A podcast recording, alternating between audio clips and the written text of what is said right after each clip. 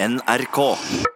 Kampen for eh, klima, avstand mellom by og land, og det vi skal ha til middag. Det spilte et rolle, alt dette, da mm, Språkrådet skulle kåre årets nyord 2019. Eh, og vi starter med ordet som tok tredjeplass. Kjøttskam liker jeg. Alle ord med skam er bra. Eh, folk putter skam etter alt som det er litt mot, og så har de et argument som de kan bruke til alt som de har lyst til. Ordet kjøttskam var med i vurderingen helt til siste slutt, da Språkrådet skulle kåre årets nyord, i samarbeid med professor Gisle Andersen ved Norges handelshøyskole. Seniorrådgiver i Språkrådet Dagfinn Rødningen forklarer hvorfor. Mm, det begynte med flyskam, egentlig, som eh, det svenske språkrådet hadde på si liste i fjor over eh, årets nyord da. Og det var flyskam som ble tatt i bruk først her. Eh, men så eksploderte det jo i et voldsomt utvalg med ulike skamord. da. Vi har valgt å satse på kjøttskam, for det, ikke minst fordi det er nokså skal vi si, aktuelt akkurat nå, i denne førjulstida, der det blir diskutert kjøttfrie julebord og servering av vegetarmat på sykehjem og slike ting. Vi nærmer oss toppen, og ord vi finner på sølvplass har distriktsopprør i seg. Bunadsgerilja eller ikke? Dette ordet går rett inn i spenningsfeltet mellom by og land, som veldig ofte vekker store følelser blant folk. Og Førsteleder bunad sier det er noe vi forbinder med tradisjon, med det litt eh, trauste, med fest, eh, festlige anledninger. Og så har du gerilja, som heller blir forbundet med eh, litt eh, uregjerlig motstand. Eh, og da, og da, får du en fin spenning i sjølve ordet òg.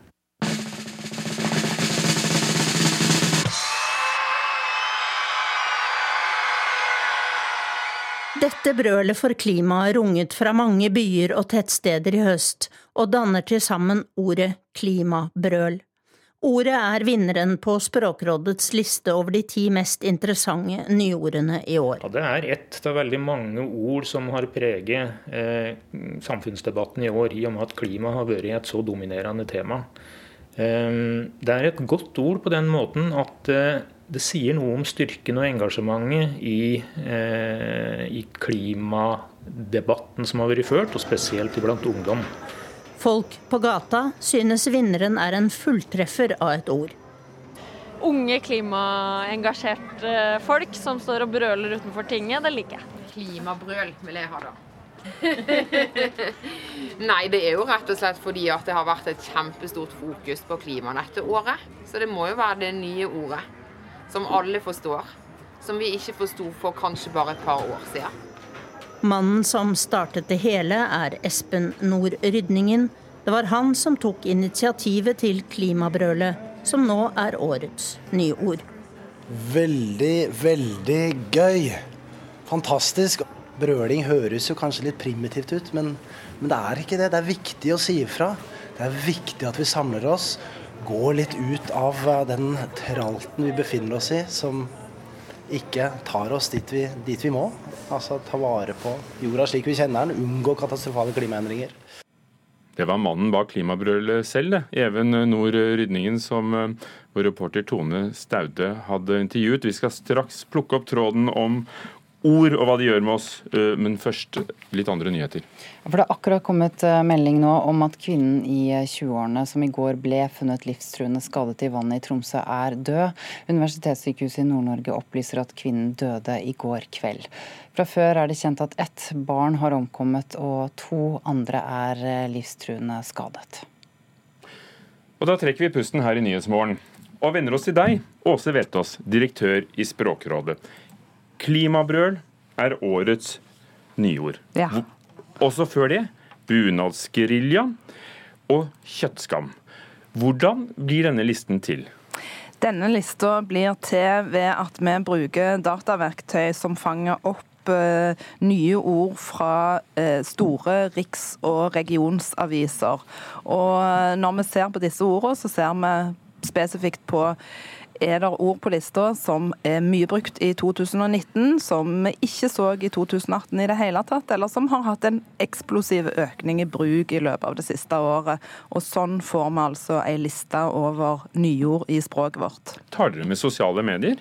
Nei, det gjør vi ikke. Dette dreier seg bare om uh, ord som da har vært publiserte i Eh, redaksjonelle medier. Så dette er ord som mange har sett og mange har møtt i løpet av året, når de har lest nettaviser, eller når de har lest papiraviser, eller når de har da orientert seg i media. Ja, for klimabrøl er jo et, et fenomen som oppsto delvis på sosiale medier, og ble til protester.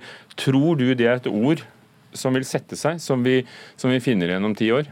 Altså, det er et veldig symbolmetta uttrykk som eh, vi mener det er grunn til å tro at vil bli sitert òg i året som kommer. Og med utgangspunkt i klimasituasjonen og hvor viktig den viser seg å være for mange, så kan nok eh, selve fenomenet òg eh, komme til å gjenta seg. Og vi syns at klimabrølet var et veldig godt bilde på 2019. For det vi ser på disse listene, det er at det er veldig mange ord, veldig mange nye ord som knytter seg til klima og miljø, som kommer høyt opp i bruk. Og mange uh, sammensetninger med skam? Veldig mange sammensetninger med skam. Og det kunne jo være fristende å velge et skamord helt på toppen av lista, men her uh, syns vi at vi burde gjøre en vri. Men det er interessant å se at skam òg nå brukes i flere og flere sammensetninger. Vi har fanga opp bl.a. Uh, matpakkeskam og ferieskam, som viser at uh, ordtypen er veldig produktive òg på områder som ikke handler om klima. For det er rart å tenke på når jeg sitter og ser på listen over årets nyår i, i årene som har vært, at det er faktisk da uh, bare fire år siden, 2015, at det grønne skiftet var årets nyord. Uh, og finanskrise 2008, og det må vi jo si er ord som er kommet for å bli? Absolutt. Og eh, når det er sånn at ord faktisk blir brukt i eh, aviser og i media og i radio og på TV, så er det en grunn til å tro at de har eh, festa seg, eller er i ferd med å feste seg i eh, allmennspråket. Men det er litt skjønn ute går. Det er ikke bare tellingen som avgjør hvem som havner oppe, mistenker jeg. At dere, dere velger det dere gjerne vil, der dere vil peke på en forandring? Ja, altså Når vi har ei, ei råliste med kandidater, så prøver vi å sette sammen ei liste med ord som både speiler godt uh, det året som har gått, og, som har, og ord som har språklige kvaliteter som vi gjerne vil løfte fram som interessante. For dette fra vår side er jo da uh, en, en kåring av ord som viser at språket vårt endrer seg litt uh, hele tida, og det er særlig på ordnivå at språket språket endrer seg fort. Åse Vetås, dette har du greie på. Hva skal til for at vi begynner å, å bruke ut ord er det noe med selve hvordan, hvordan, det ligger i munnen? Det handler nok eh, dels om at eh, ordet er forståelig eh, for mange. At det føles som et intuitivt riktig bilde på det fenomenet eller det objektet en, en ønsker å beskrive. Og så ser vi jo òg på noen av disse ordene at de har en viss overraskingseffekt. Jeg er jo veldig svak for bunadsgerilja som kom på andreplass. Og den konflikten konflikten som ligger i det ordet, den gjør at ordet er interessant, og at eh, det, det viser godt igjen i tekster. Bunadsgerilja, nesten som rosekrig. Takk skal du ha, Åse Vetås, direktør i Språkrådet. Årets nyår er klimaprøl.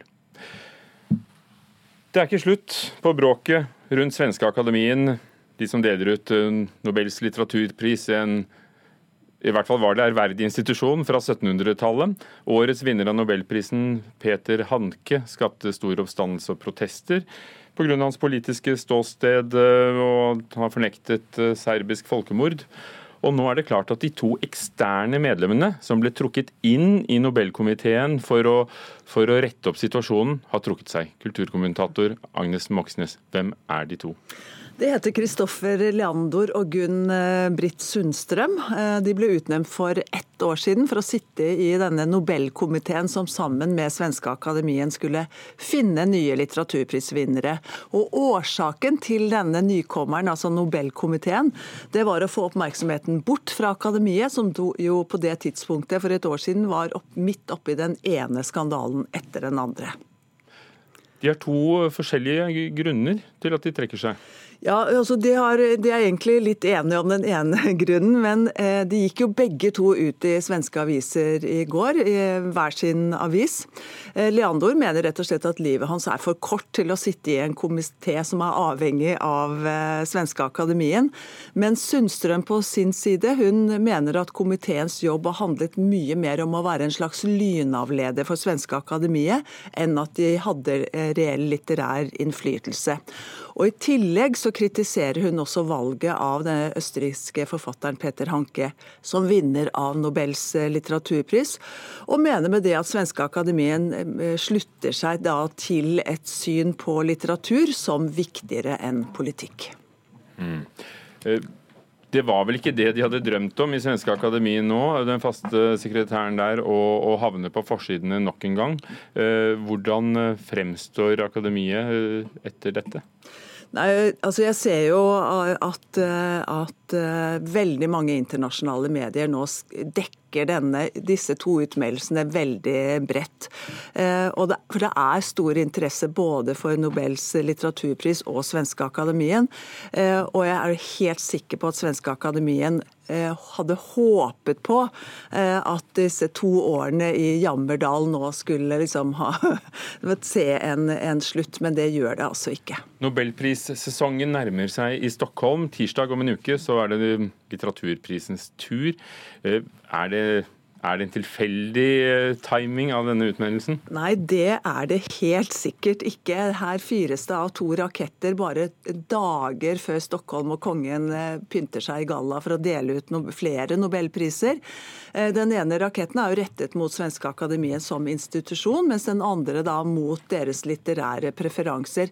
Men begge er helt klart fyrt av med tanke på å svekke Svenske Akademiens autoritet. Takk skal du ha kulturkommentator eh, her i NRK, Agnes Moxnes. Jeg kan bare legge til overskriften fra dagens nyheter i Sverige. Et formidabelt fiasko for svenske akademien. Vi tenker ofte ikke over hvordan vi kommuniserer med hverandre innenfor en bestemt kulturkrets. Vi tar det som en selvfølge at vi forstår hverandre. Sånn eh, noenlunde i hvert fall. Men eh, språket er jo mer komplisert enn det. Og dette er tema i Akershus Kunstsenters utstilling, og hold deg fast, for den heter 'Høvdingens kjære skå får litt pizza i Mexico by. The quick brown fox jumps over the lazy dog'. Kunstkritiker her i NRK, Mona Palle Bjerke, hvordan kan eh, den visuelle kunsten kaste lys over språk og kommunikasjon? Ja, Det lyder jo litt teoretisk og kanskje litt utilgjengelig, men denne utstillingen den tar for seg kommunikasjon på veldig mange ulike og nokså uteoretiske måter. Språk er jo så mangt. ikke sant? Det er et system for regler av dannelse og ytringer som er felles for en gruppe mennesker, den vanlige definisjonen, ikke sant? men vi har jo også kroppsspråk, vi har formspråk, vi har tegnspråk og veldig mange ulike måter å kommunisere på. Og noe av det første som møter oss i utstillingen, er Sara Korshøy Christensens arbeider. Hun har skapt da snirklete, et snirklete budskap i en trekant. Dette er skåret ut i tre, gullforgylt. Og det ser først ut som det er et helt fremmedartet alfabet. Jeg tenker det er arabisk eller noe sånt. Men så ser jeg nøyere, og så ser jeg at det står med sunn fornuft skal land bygges. Så det er forståelig når man først bare ser på det. Og da har hun også vridd på dette klassiske ordspråket med lov skal land bygges. Og her beveger hun jo på denne problemstillingen. Skal vi helt slavisk følge loven, eller er det vårt dype menneskelige ansvar å lytte til vår egen samvittighet og vår sunne fornuft. Og dette er jo da en problemstilling som har fått en viss aktualitet med Stålsett-saken i den senere tid. Mm. På hvilke andre måter tas eh, dette med språk opp? Ja, Språk kan jo være bro, eh, en bro, men det kan jo også være en barriere. og Dette er noe som kunstgruppen Slavs and Tatars tar opp. De, da, de har da laget silketrykk på polert stål eh, med da en islamsk avis som er trykket da på stålet. og Da er det urdu, blant annet. Og da, for meg, da, som kommer inn og ser mitt eget sånn forvrengte speilbilde i dette uttrykket, bakenfor dette helt for meg uforståelige uforståelige budskapet, så ser jeg hvordan vi på en måte kanskje også har en språklig fremmedfrykt. Hvordan noe vi ikke forstår, støter oss bort fordi det vekker en slags angst i oss. Da. Er det andre verk du eh, vil fremheve? Alice Wood eh, har da tatt bruddstykker av kommunikasjon fra nettet og vevet det. Hun har gjort det i en, det vi kan kalle en digital vevstol, men det er denne eldgamle vevtradisjonen som hun henviser til. Samtidig som hun henviser til dette underlige at i den digitale verden så bruker vi gjerne tekstile begreper. Vi sier at vi har en samtaletråd, og vi sier, bruker ordet vev veldig mye. Verdensveven, ikke sant. Men et annet prosjekt som jeg ble veldig inntatt i, det var Andrea Bakketuns arbeider. Hun har skapt, skapt små glimt, små visuelle fortellinger med gjenstander, ting hentet rett fra gaten, rett utenfor kunstsenteret. En stein, et lite stykke tre en, eh, et stykke stoff da, som bølger i et vann i et akvarium som en liten fuglevinge. Så hvis du skal eh, oppsummere, hva syns du om dette? Ja så er jo dette en fantastisk utstilling, en perle av en utstilling, syns jeg. Men jeg syns det er pussig og ikke rent lite paradoksalt at en utstilling som nettopp handler om kommunikasjon og språk, har en tittel som kommuniserer så dårlig. Det er jo eh, selvfølgelig et språklig poeng her. Dette er i den setningen alle alfabetets bokstaver. Men det språklige poenget hjelper oss ikke så veldig hvis potensielle besøkende velger å ikke komme, rett og slett fordi de ikke forstår noe av hva tittelen betyr. Jeg tror du må ta tittelen en gang til, jeg.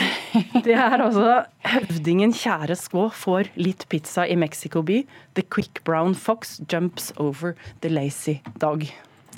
Ny eh, utstilling altså i Akershus kunstsenter på Lillestrøm, og den varer helt frem til bitte lille julaften. Takk, eh, Mona Palle Bjerke, kunstkritiker her i NRK.